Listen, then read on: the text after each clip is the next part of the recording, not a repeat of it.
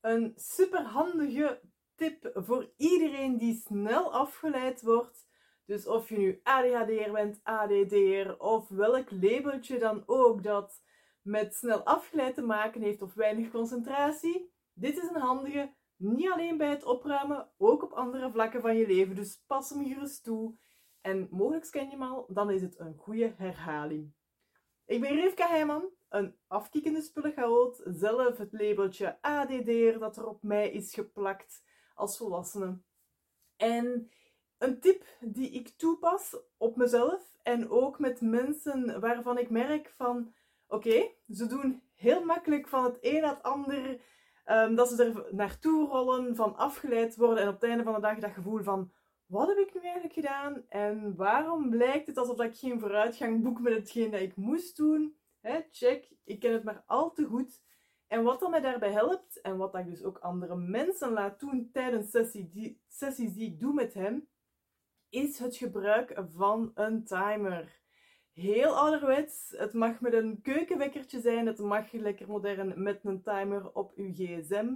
Maar time uzelf, niet, niet per se time uzelf, maar geef uzelf een restrictie in de hoeveelheid tijd die je aan een taak gaat geven. En geef uzelf niet meteen twee uren. Dat is een veel te grote zee van tijd om weer in verloren te, te lopen. Um, maar geef uzelf echt afgebakende stukjes. 10 minuten, 20 minuten, een half uur. Dat zijn bijvoorbeeld heel goede timeframes, tijdsperiodes, waarin dat je voor jezelf, gewoon door het feit dat je dat wekkertje, die timer instelt, dat je beseft van, oké, ja, ik heb iets te doen. Ja, ik kan makkelijk afgeleid worden, of ik heb niet altijd evenveel zin om dit te doen. Maar ik engageer mezelf tot 10 minuten, tot 20 minuten om hier aan te werken. En dus de actie, de handeling van die timer instellen, maakt u daarvan bewust van, ja, oké, eigenlijk zet je een intentie aan het ja, uitspreken, aan het realiseren van, hier wil ik nu 20 minuten mee bezig zijn. Het maakt de kans op afleiding kleiner. Met geen enkel ding in het leven is het um, een garantie, maar het maakt de kans op afleiding kleiner. Dus zet die timer op.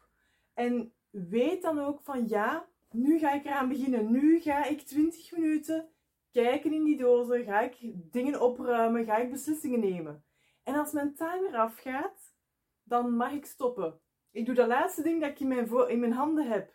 Dat voorwerp handel ik nog af, maar dan stop ik. Ook al heb ik nog doos na doos na doos hier staan, waar dat ik ook door moet.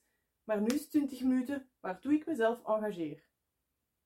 En als je je laat afleiden, dan zeg je super boeiend. Hoe komt het dat ondanks het gebruik van een timer, dat ik toch nog ergens anders in huis ben beland? Dat ik toch iets anders aan het doen ben dan wat ik wou doen? Dus ga jezelf niet op de kop zitten. Blijf vriendelijk voor jezelf. Praat tegen jezelf alsof dat je tegen een vriendin aan het praten bent of tegen je eigen kind en doe het liefdevol en begripvol en leer eruit. Kijk naar de leerkansen als je inderdaad afgeleid wordt. Dat is bij mezelf ook. Ik was ook vroeger aan het opruimen en ik zat uiteindelijk op mijn knieën de douche te poetsen. What happened? Weet je? Ja, ik leer daaruit. En het gebruik van zo'n timer werkt bij heel veel mensen heel goed. Werkt dat bij u niet? Kijk dan naar andere manieren. Gebruik een podcast, luister naar muziek en weet, als je nog met cd's werkt, als mijn cd afspringt, dat is een trigger van oké, ja, nu heb ik voldoende gewerkt, nu kan ik ehm, terug iets anders gaan doen. Dus geef jezelf ook de toestemming, als de timer afgaat, dat je weer tien kanten tegelijk op mocht lopen. Laat, jezelf, eh, laat jezelf even freewheelen. Ga de dingen doen die dat je wilt doen.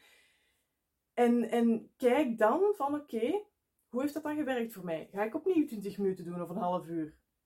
Of is dat te veel? Moet ik naar kortere tijdsperiodes gaan? Want dat kan even goed zo zijn. Dat je merkt, ik werk met 30 minuten en ik ben twee keer, drie keer, vijf keer dat ik dit heb geprobeerd met 30 minuten. Elke keer beland ik ergens anders zonder dat ik het door heb.